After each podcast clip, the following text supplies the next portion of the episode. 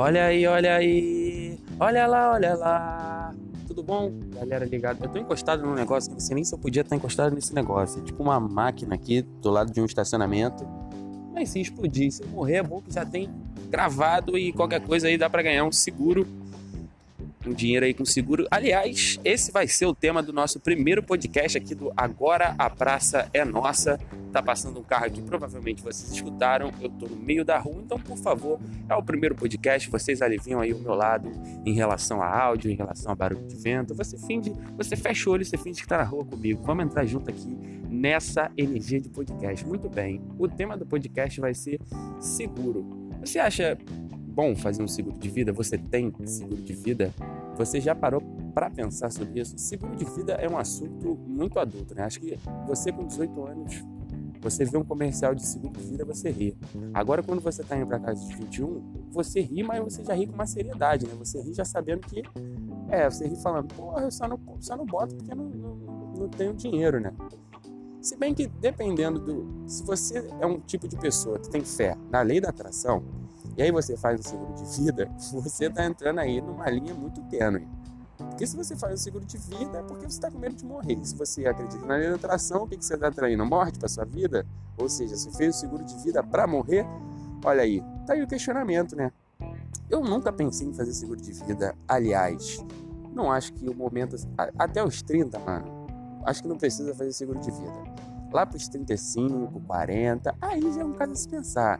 Se teve um filho, ou, ou você tem filho ou você tem seguro de vida. Os dois não dá, entendeu? Porque aí você faz o seguro de vida do seu filho. E aí qualquer coisa, entendeu? O, o, é bom, é bom entre dois lados. Que vamos lá, você tem um filho, aí você faz o seguro de vida pro seu filho. Acontece alguma coisa pro seu filho, o dinheiro vai para você. E aí, dependendo do que acontecer com seu filho, você pode usar esse dinheiro para ajudar o que aconteceu com seu filho. Ou seja, não façam seguro de vida, tenham filhos e façam o seguro de vida do seu filho. Que com certeza é muito mais vantajoso que fazer para você. Cara, eu fico imaginando a primeira pessoa que teve essa ideia de chegar para alguém e falar assim: Cara, tu tem seguro de vida? E aí essa pessoa, obviamente, não tendo seguro de vida, virou para ela e falou assim: Não. Como assim seguro de vida? que é seguro de vida? Ah, cara, eu vou te explicar. Seguro de vida é tipo, a gente tá aqui conversando, cai um piano na sua cabeça e quem tá vivo e é tipo seu amigo, ou sua noiva, ou sua qualquer coisa que seja, fica com esse dinheiro.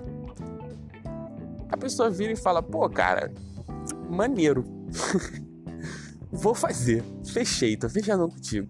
Seguro de vida é agiota com segundo nome, entendeu? com certeza. A diferença é que você não pega dinheiro, né? Mas ali, mano, é, é muito estranho a questão do seguro de vida. Você, para ter um seguro de vida, você tem que ser, no mínimo, uma pessoa que tem inimigos. E aí eu acho que já entra numa situação complicada. Porque hoje em dia ninguém tem inimigo. Gente, hoje em dia as pessoas não têm mais inimigo. A gente tem gente que não gosta da gente. Agora, inimigo, que vira pra gente e fala assim: Eu vou te matar, eu sou seu inimigo. A gente não tem, porque a pessoa tá muito ocupada com a vida dela. Eu vou pesquisar aqui, ó, seguro de vida da Caixa, cancelar. Genial. As sugestões do, do, do, Google são geniais. Aqui, ó, vamos lá. Seguro de vida e habilitação. Saiba como poupar no seu. Saiba tudo sobre seguro de vida. Guia, por que devo fazer um seguro de vida? Vamos ver isso aqui. Um seguro de vida surge como uma forma de prevenir a nível econômico as consequências da morte ou da sobrevivência numa determinada idade. Essas consequências podem ser partilhadas ao transferir as responsabilidades para uma seguradora de vida. Não é um ressuscita-me, mas é um, é um caso a se pensar, entendeu? Dependendo de como é a sua vida, Ó, o seguro de vida é um contrato pelo qual o segurador se compromete a pagar o capital contratado em caso de morte do segurado. Seguro em caso de morte ou sobrevivência. seguro em caso de vida. Pô, mano, é uma, é uma aposta, né? Assim como tudo na vida, o seguro de vida não é nada mais, nada menos que uma aposta. Ó, vou apostar aqui, vou deixar esse dinheiro aqui. Se eu morrer, morri. Se eu não morrer, ganhei um dinheiro maneiro aí. O, o engra... Bota aqui, seguro, seguro de vida golpes. Bota aqui, ó, golpes. golpes, golpes frase, seguro de vida gospel. Meu Deus, como assim tem um seguro de vida gospel? Isso não faz o menor sentido. Seguro de vida gospel, tá na mão de Deus, hein? Que horror, Henrique. Que depravante pro, pro primeiro podcast você fazer essa piada aí religiosa. Eu não vou mais ouvir o podcast. Vamos lá, seguro de vida golpes. Comece a poupar seguro de vida. Quadrilha fatura milhões com golpes de seguro de vida. Quadrilha fatura 30 milhões com golpes do seguro de vida. Polícia Civil descobre caixão sem corpo e investiga quatro por golpe de seguro de vida. Ai meu Deus do céu, que isso, cara? Quadrilha desviou 30 milhões de idosos com golpe de seguro de vida. Eu vou ler essa matéria porque é de uma genialidade. Esse, aí, agora você pensa, será que essa quadrilha tinha seguro de vida? Centenas de idosos podem ter sido enganados por uma quadrilha que se passava por funcionários de banco da Previdência Social. O, gru o grupo é alvo de uma operação da Polícia Civil realizada nesta quinta-feira em 22 bairros de Curitiba e seis municípios da região metropolitana.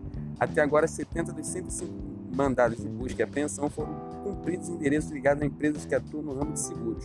Ao todo, 29 pessoas relacionadas à empresa estão sendo investigadas. Não, eles estão investigando ainda. Eles estão pensando assim, será, cara, que esses caras tiveram a cara de pau de enganar senhores de idade e faturar com seguro de vida? O seguro de vida não é nada mais, nada menos do que um vou ver e te aviso. Se a pessoa vira para mim hoje e pergunta, Henrique, você quer fazer seguro de vida? Eu com certeza responder, olha, vou ver e te aviso. Porque é, é muito complicado você fazer seguro de vida hoje em dia. Porque ninguém mais quer viver. O pessoal tá, acha mais fácil morrer do que viver. E tecnicamente é muito mais fácil. Porque quando você morre, você não segura mais pica nenhuma, você não tem mais conta para pagar, você não tem porra nenhuma para segurar. Só o sofrimento da eternidade eterna, né? Que você aí vai ter se você for um filho da puta. Mas ah, hoje em dia é muito difícil você não ser um filho da puta. O, o mundo te força a ser um filho da puta. Então a gente não tem que fazer um seguro de vida.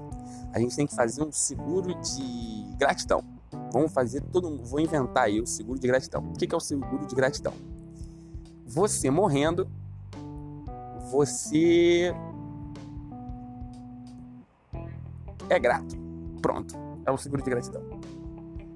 Ai, ai, muito bem. Esse, eu, eu acho que eu vou encerrar por aqui, porque depois dessa matéria da, da, da dos 30 milhões eu vou, vou ler um, um, pouco mais sobre isso, porque aqui em Portugal tem muito velho. E eu tenho um, um, uns 4 ou 5 amigos aqui, eu acho que já, já dá para começar, né? Um, desvio aí. Brincadeira, alô, Polícia Federal. Isto aqui é humor, é entretenimento. Polícia Civil, né? Que no caso deve deve ficar responsável por esse caso, que não existe, mas mesmo assim eu estou cogitando a hipótese. Polícia Civil é apenas uma brincadeira. Isso aqui é humor entretenimento. Eu não vou juntar amigos e golpear idosos com o seguro de vida. É, até porque se eu fosse golpear idosos, eu ia golpear com fonte da juventude. Mas ninguém ia querer também. Tá aí, uma coisa que antigamente daria muito dinheiro e hoje em dia não daria mais dinheiro nenhum. Fonte da juventude. Antigamente tudo bem. Antigamente, beleza, fonte da juventude. Todo mundo ia querer. Hoje em dia ninguém quer mais. Ninguém mais quer ser jovem. Jovem hoje em dia é considerado imbecil. Por exemplo, jovem que faz podcast. Eu não preciso falar mais nada. Então, o que é a fonte da juventude hoje em dia? É a cerveja. A fonte da juventude hoje em dia é a cerveja. Ou a vodka. Eu acho que é mais a cerveja, tá ligado? Eu acho que é mais a cerveja. Porque Nada melhor, né, amigo? Que você tá naquele dia de estresse contínuo e você chegar e tomar uma cerveja. Você se sente renovado. A fonte da juventude hoje em dia é a cerveja.